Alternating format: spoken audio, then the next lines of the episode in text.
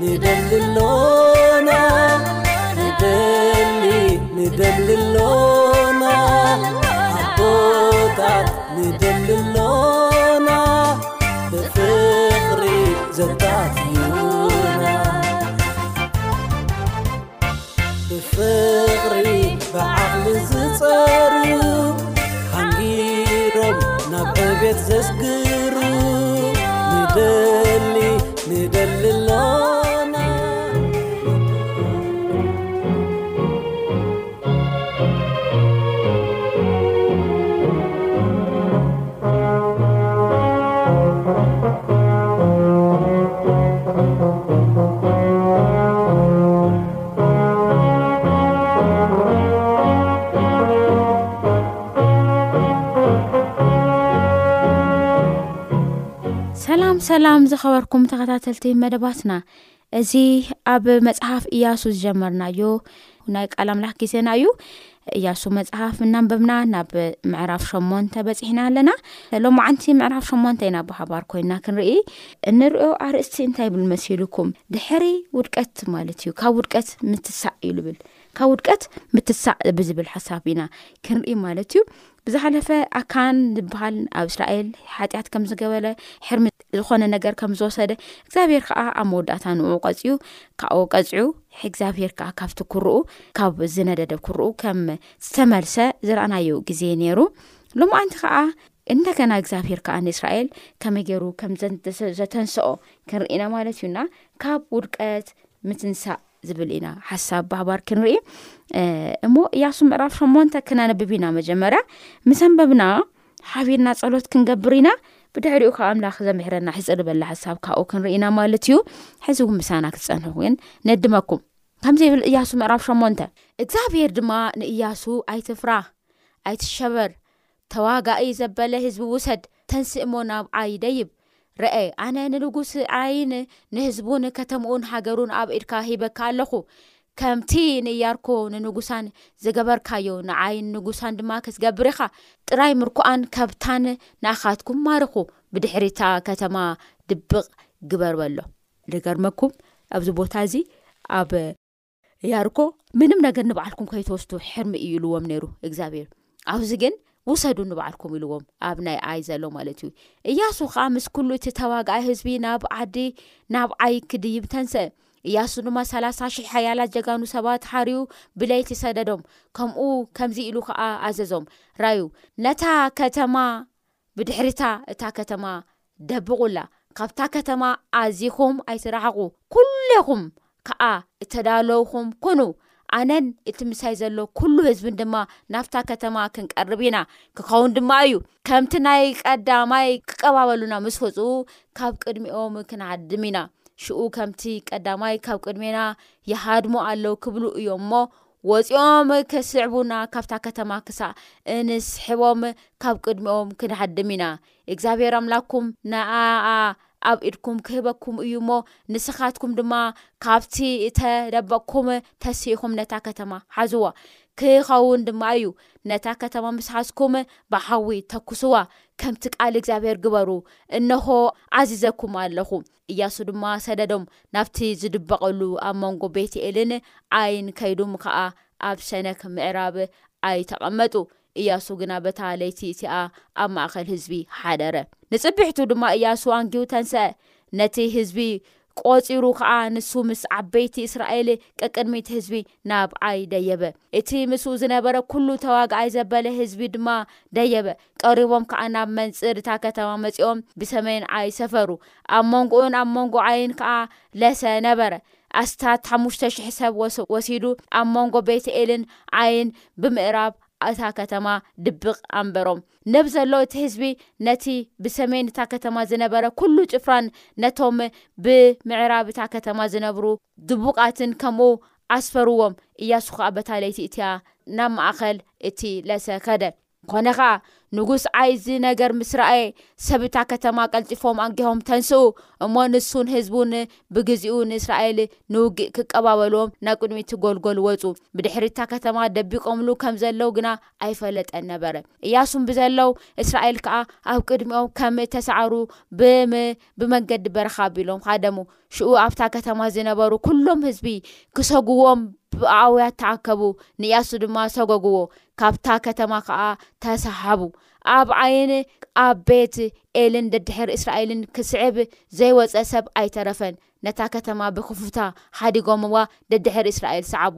እግዚኣብሄር ድማ ንእያሱ፣ ንዓይ ኣብ ኢድካ ክህበካ እየ እሞ፣ እቲ ኣብ ኢድካ ዘሎ ኲናት ናብኣ ኣቢልካ ዘርግሕ በሎ። እያሱ ኸኣ ነቲ ኣብ ኢዱ ዝነበረ ኲናት ናብ ከተማ ኣቢሉ ዘርግሖ። እቶም ተደቢቆም ዝነበሩ ድማ ንሱ ኢዱ ምስ ዘርግሐ፣ ቀልጢፎም ካብ ስፍርኦም ተንስኡ እሞ፣ ጎዮም ናብታ ከተማ ኣተዉ፣ ሓዝዋ ኸኣ፣ ቀልጢፎም ድማ ብሓዊ ተኰስዋ። እቶም ሰብኣይ ንድሕሪት ግልጽ እንተ በሉ፣ እንሆ ኸኣ፣ ትኪ እታ ከተማ ንሰማይ ይድይብ ረኣዩ። ሽዑ ናብዚ ኮነ ናብቲ ክሃድሙ ክእለት ኣይነበሮምን። እቶም ንበረኻ ኣቢሎም ዝሃደሙ ህዝቢ ከኣ ናብቶም ሰጐጕቶም ኣቢሎም ተመልሱ። እያሱን ብዘሎ እስራኤልን እቶም ድቡቓት ነታ ከተማ ከም ዝሓዝዋ፣ ትኪ እታ ከተማ ንላዕሊ ከም ዝደየበ ምስ ረኣዩ፣ ተመልሱ እሞ ንሰብኣይ ቀተልዎም። እቲኣቶም ከኣ ክቀባበልዎም ካብ ከተማ ወጹ። ሽዑ እዚኣቶም በዚ እቲኣቶም ከኣ በቲ ኣብ ማእከል እስራኤል ኰኑ፣ ንሳቶም ድማ ሓደ እኳ ከይተረፉ ከየምልቑን ቀተልዎም። ንንጉስ ኣይ ከኣ ብህይወቱ ከሎ ሒዞም ናብ እያሱ ኣምጽእዎ። ኰነ ኸኣ፣ እስራኤል ነቶም ኵሎም ሰብ ኣይ ኣብቲ ዝሰጐዎም ዝነበሩ ኣብ ኣብ ግራውቲ ኣብ በረኻ ቀቲሎም ምስ ወጹ፣ ንሳቶም ከኣ ዝውድኡ ኸኣ ኵሎም ብስሕለት ሰይፊ ምስ ወደቑ፣ ሽኡ ብዘለው እስራኤል ናብ ኣይ ተመልሱ እሞ ንኣይ ንኣኣ ብስሒለት ሰይፊ ወቕዑዋ። እቶም በታ መዓልቲ እቲኣ ዝወደቑ ኩሎም። ካብ ሰብኡትን ካብ ሰበይትን ኩሎም ሰብ ኣይ ዓሰርተ ክልተ ሽሕ ኮኑ። እያሱ ድማ ንዘሎ ሰብ ኣይ ክሳእ ዘጥፍኦም ነታ ኲናት ዝዘርጋሔት ኢዱ ኣይመለሰን። እስራኤል ከምቲ እግዚኣብሄር ንእያሱ ዝኣዘዞ ከብትን ምርኮ እታ ከተማን እቲኣን ጥራይ ማሪኾም ወሰዱ። እያሱ ኸኣ ንኣይ ብሓዊ ኣንደዳ፣ ክሳእ ሎሚ ከኣ ኡና ኩምራ ዘለኣለም ገበራ። ንንጉስ ኣይ ድማ ክሳእ ምሸት ኣብ ኦም ሰቐሉ። ጸሓይ ምስ ዓረበት ከኣ፣ እያሱ ነቲ ራስኡ ካብ ኦም ከውርድኦ ኣዘዘ፣ ኣብ ኣፍ ደገ እታ ከተማ ደርበይዎ፣ ኣብ ልዕሊኡ ድማ እቲ ክሳእ ሎሚ ዘሎ ዓቢ ጨርሒ እምኒ ጨርሑሉ። ሽኡ እያሱ ንእግዚኣብሄር ኣምላኽ እስራኤል ኣብ ከረን ኤባል መሰውዒ ሰርሐሉ፣ ከምቲ ሙሴ ባርያ እግዚኣብሄር ንደቂ እስራኤል ዝኣዘዞም፣ ከምቲ ኣብ መጽሓፍ ሕጊ ሙሴ ተጻሒፉ ዘሎ፣ መሰውዒ ካብ ዘይተወቕረ ሓጺን፣ ዘይተንከዮ ኣእማን ኣብኡ ንእግዚኣብሄር ዘሕርር መስዋዕት ኣዐረጉ፣ መስዋዕቲ ምስጋናውን ሰውኡ። እቲ ሙሴ ኣብ ቅድሚ ደቂ እስራኤል ዝጸሓፎ ሕጊ ንሱ ኸኣ ከምኡ ኣብቲ ኣእማን ጸሓፎ። ድማ ኵሉ እስራኤልን ዓበይትን መኳንንትን ፈረዱን፣ ጓና ከም ወዲ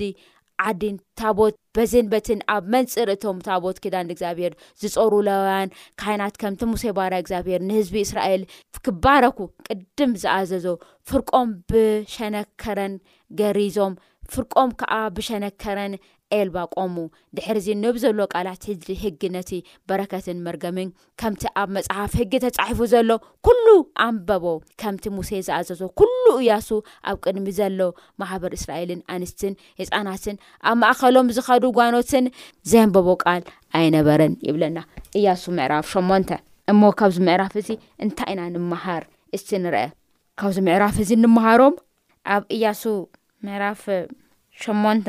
ፍቐዲ ሓደ እግዚኣብሄር እንታይ ኢልዎ ንእያሱ እግዚኣብሄር ድማ ንእያሱ ኣይትፍራህ ኣይትሸበር ተዋጋኣይ ዘበለ ህዝቢ ውሰድ ተንስ እሞ ናብ ኣይ ደይብ ከም ዝበሎ ኢና ንርእዩ ፍቐዲ ሓደ ማለት እዩ ንንጉስ ዓይን ንህዝቡን ከተምኡን ሃገሩን ኣብ ኢድካ ሂበካ ኣለኹ ኢልዎ ነይሩ እግዚኣብሄር ንእያሱ ማለት እዩ ስለዚ እዞም ሽዱሽተ ነገራት ካብ ንምሃር ሓደ እግዚኣብሄር ኣብ ተሳዒርና ወዲቅና ከለና ሲ ዘፀናኒ ኣምላኽ እዩ ናይ መጀመርያ ቃል ካብቲ ምዕራፍ ሸዓተ ካብቲ ዝሓለፈ ካብ ዝረኣናዮ ሸሞንተ መፂእና ክንርኢ ከለ ኣይትፍራ ኢልዎ ኣይትሸበር ኢልዎ እግዚኣብሄር ማለት እዩ እያሱ ካብቲ ዝተጎልበቦ ስዕረት ዝተልዓለ ፈሪሑ ነይሩ እዩ ተሸቢሩ ነይሩ እዩ ደንጊፁ ነይሩ እዩ ካብኡ ዝተልዓለ ግራኣትዎ ላዕልንታትን ክብል እግዚኣብሄር ከዓ መፅኡ ኣብቲ ካብ ኣብ ልወደቆ ግዜ ንዞም ነፍሲ ዝዘርኡ ንምፅንናዕ ዝኾኑ ቃላት ናብ እዝኑ ከም ዝገበሮ ንርኢ ኣይትፍራ ኣይትሸበር ስለዚ ተሳዒርና ከለናሲ እንታይ ልገብር ኣምላኽ እዩ ዘፀናንዕ ዝድግፍ ንላዕሊ ዘውፅእ ኣምላኽ ከም ዝኾነ ንርኢ እቲ ካልኣይ ነገር እግዚኣብሄር ካብ ዝወደቕናዩ ዘልዕለና ናይ ካልኣይ ኣምላኽ ካልኣይ ዕድል ዝሕብ ኣምላኽ ከም ዝኾነ ንርኢ እግዚኣብሄር ኣብ ዝወደቕናዮ ቦታ በፂሑ ኣጃኹም ዝብለና ጥራሕ ተዘይኮነስ ካብ እንደገና ዘልዕለና ኣምላክ ከም ዝኾነ ንርኢ ካብ እንደገና ዓወት ዝህብ ኣምላክ ከም ዝኾነ ኢና ንርኢ እግዚኣብሄር ንእያሱ ጥበብ ብዝተመልኦ ናይ ኩናት መንገዲ ከም ዘሰልጠኖ ንርኢ በቲ ዝወደቕሉ መዓልቲ እንደገና ኣልኢሉ ዓወት ብዓወት ክሃሱ ከም ዝገበሮም ኢና ንርኢ ኣብቲ ዓይ ክኸዱ ከሎ መጀመርታ ድቡቓት ዝኾኑ ጦራት ብድሕሪት ክኸዱ ቅድሚት ዝመፁ ከዓ ከም ዝሃድሙ መሲሎም ንቅድሚት ክኸዱ እቶም ድቡቃት ኣትዮም ካ ነቲ ከተማ ክወሩ እዚ ካብ ጥበብ እግዚኣብሄር ዝተረኸበ ሓሳብ እዩ ማለት እዩ በዚ እግዚኣብሄር ክዓወት ከም ዝሃቦም ኢና ንርኢ ማለት እዩ እና እግዚኣብሄር ናይ ካልኣይ ግዜ ናይ እንደገና እንደገና ዝገብር እንደገና እድል ዝህብ ኣምላክ ከም ዝኮነ ንርኢ ማለት እዩ ምሕረቱ ከዓ መማዓልቲ ሓድሽ ከም ዝኮነ ንርኢ ማለት እዩ ካብ ዝወደቅናብ ኣልዕለና ከምኡ ከዓ ሓይሉ እውን ይህበና ዓወት እውን ይህበና ማለት እዩ እዚ ሳልሳይ ሓሳብ ካብቲ ዝወደቅናዮ ውድቀት እሲ ዘይሓሰብናዮ በረከት ይመፅእ ካብቲ ውድቀት ናታይ ይመፅእ ዘይሓሰብናዮ በረከት ይመፅእ ማለት እዩ ሓደ እንታይ ነይሩ እስራኤላውያን ካብዚ ቅድም ብዝገበርዎ ኩናት ንባዕሎም ዝኸውን ነገር ኣይወሰዱን ቅድም እውን ልብን እከ ይብል ነረ ንባዕሎም ዝኸውን ነገር ኣይትውሰዱ ሕርሚ እዩ ኢልዎም ነይሩ ሕዚ ግን ኣኣዚ ቦታ እዚ እንታይ ይብሎ ክዱ እቲ ዝዝረፍ እቲ ዝውሰድ እቲ ምርኳኡ እኒኦ ኩሉ ማሪኹ ውሰዱ ንባዕልኩም ክብሎ ከሎ ኢና ንርኢ ማለት እዩ ካብ እንደገና ዓወት ገይሮም ካብ እንደገና ምስዓሮም ዓብይ ብስራት ዋላ እንተኾነ እግዚኣብሄር ግን ብተወሳኺ ክብዝብዙ ክወስዱ እቲ ላኣው ነበር ነገር ኩሉ ክወስዱ ከም ዝሃቦም ኢና ንርኢ ማለት እዩ እግዚኣብሄር ካብ ዝወደቅናዩ ነገር ክንልዓል ከለና ካብ እንደገና ብዓወት ከለማምዳን ከለው ካብ ፀግኡ ካብ ናቱ በረከት ከዓ እናመለ እዩ እምበይ ብጥሩሕ ሜዳ ብንቁፅ ምድረ በዳ ኣይኮነን ዝመርሐና ማለት እዩ ስለዚ ዘይተሓሰበ በረከት ክህበና ይኽእል እዩ ኣብ ህይወትና ኣብ ዝወደቅናዮ ቦታ ካብ ውድቀትና ክንትንስእ ከለና እግዚኣብሔር በረኸት ኣብ ልዕሌና ኣዚዙ ክኸውን ይኽእል እዩ ማለት እዩ እቲ ራብኣ ሓሳብ ኣብ መንገድና ኩሉ ናይ እግዚኣብሄር ምርሒት ናይ እግዚኣብሄር ኣመራርሃ ክንደሊ ከም ዘለና እዚ ይነግረና እያሱ ብእግዚኣብሄር ኣመራርሃ ብእግዚኣብሄር ረድኤት እንታይ ገይሩ ነቶም ሰብዓይ ከም ዝቀፅዖም ከም ዝደምሰሶም ናይ እግዚኣብሄር ተስፋ ቃል ኣቢሎም ድማ ነቲ መሬት ከም ዘውረስዎ ቃል ልና ቃል እግዚኣብሄር ይነግረና ስለዚ እግዚኣብሄር ብዘልዮም ኩሉ ልሕግዝ ተወሳኺ ነገር ተወሳኺ ዝኾነ በረከት ልውስኽ ኣምላክ ከም ዝኾነ በረከት ተመንጢልካ ካብኡ ወዲቅካ ኣብ ትክምተስ ምስ ተንሳእኻ ግን ምስቲ ውድቀት ምትንሳእ ጥራይ ዝተኾነ ብምሉእ በረከት እንደገና ዝመልእ ኣምላክ ከም ዝኾነ ኣብዚ ንርኢ ማለት እዩ እና ኣብ መንገድና ኩሉ ከዓ ንእግዚኣብሔር ክንደሊ ኣብ ዝኸድካዮ መንገዲ ንእግዚኣብሔር ድለዮ እዩ ልብል እሱ ንሱ ከዓ ትጎዳናካ እቲ መንገድካ ከቅንዐልካ እዩ ልብል ማለት እዩ ስለዚ ንእግዚኣብሔር ምድላይ ወሳኒ ከም ዝኮነ እዚ ሓሳብ እዚ ይነግረና ንእግዚኣብሔር ከዓ ስለ ኣመራርሑ ስለ ምጥንቃቁ ኩሉ ከዓ ክነመስግን ይግባኣና ኣብቲ ምዕራፍ ሸዓተ ክንርኢ ከለና ናይ እያሱስ ሽግሮም ዝነበረ እንታይ እዩ ኣብ በዓሎም ንኣብ ቅልፅሞ ምድጋፍ እዩ ነይሩ ጋይ ንእሽተን እያ ስለዚ ብዙሕ መምርሒ ኣይጥይሓሓተናን ብዙሕ ሓይሊ ሰብለ ኣይሓተናን ገሌሎም ከይተዳለው ከምዝኸዱ ኢና ንርኢ ስለዚ ኣብ ህይወትና ዓብይ ንእሽተ ከይበልና ንኩሉ ነገር ናይ እግዚኣብሄር ምርሒት ክንቅበል ከም ዝግባኣና እዚ ይነግረና ማለት እዩ እቲ ናይ ሃምሻ ሓሳብ እግዚኣብሄር ብዛዕባ ኣመራርሓ ናቱ ኣመራርሓ ናቱ ኣሰራርሓ ናቱ ኣብ ህይወትና ዝገብሮ ነገር ኩሉ ሻዕ ክነመስግኖ ይግባኣና እያሱ እግዚኣብሄር ረድኤት ብእግዚኣብሄር ሓገዝ ኣብ ጋይ ዓወት ገይሩ እቲ ዓወት ምስ ረኸበ መጀመርያ ዝገበሮ ነገር እንተልዩ መሰውኢ ከም ዝገበረ ኢና ንርኢ። እዚ መሰውኢ እዚ ዝገበሮ ነዚ ዓወት እዚ ምክንያት ዝኾነና ኣምላኽና እዩ ኢሎም ንኡ ምስጋና ንምቕራብ እዩ ማለት እዩ። ብዙሕ ግዜ እግዚኣብሄር ኣብ ሽግርና ረድኡ እግዚኣብሄር ዓወት ሂቡና ካብኡ ነቲ ዓወት ከዓ ክነጣጥም ክነመስግን ኣይንረአ እግዚኣብሄር ብልገበሮ ነገር ተኣሚንና ምስጋና ክነቕርብ የግባኣና ማለት እዩና እግዚኣብሄር ብቀሊሉ ብዓወት ብሓጎስ ገለ ክንካት ተዘይኮነስ ክብሪ ንኣምላክ ክንወሃብ ይነግረና ማለት እዩ እቲ ሻድሻይና መወዳእታ ነገር እግዚኣብሔር ሁሉ ግዜ ብእግዚኣብሔር ኣመራርሓ ኣብ ምንባር ናይ ዓወትና ናይ ቀፃልነት ልሙድ ዝኾነ ነገር እንተሉ ኣመራርሓ እግዚኣብሔር ክርስዕ ከምዘይግብኦ እዚ ይነግረና ማለት እዩና ስለዚ ኣብ ኣመራርሓ እግዚኣብሄር ጥራሕ ምዃን እንተዘይኮነስ ናይ ምስጢር ዓወትና እግዚኣብሄር ምዃኑ ፈሊጥና ኣብ ቃሉ ተመሊእና ክንነብር ይነግረና ማለት እዩና እያሱ ናይ እግዚኣብሄር መስዋዕቲ ምስ ኣቕረበ ምስ ኣብ መስገነ ቀጣይ ዝገበሮ ነገር እንተልዩ እቲ ዓወት ሙሉእ ክኸውን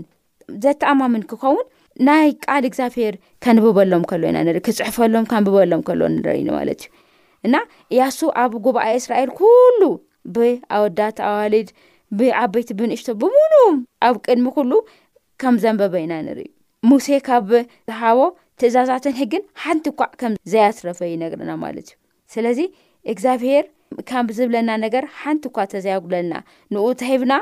ዓብይ ነገር እዩ ማለት እዩ ስለዚ እግዚኣብሄር ነቲ ዓወት መንገዲ ክመርሐና በቲ ዓወት መንገዲ ፀኒዕና ክንነብር ንጎይታና መድህኒና ንሃትት ክብሪ ንኣምላኽ ይኹን ተባረኹ እስኹምለ እግዚኣብሔር ብዘለኹሞ ይባርኩ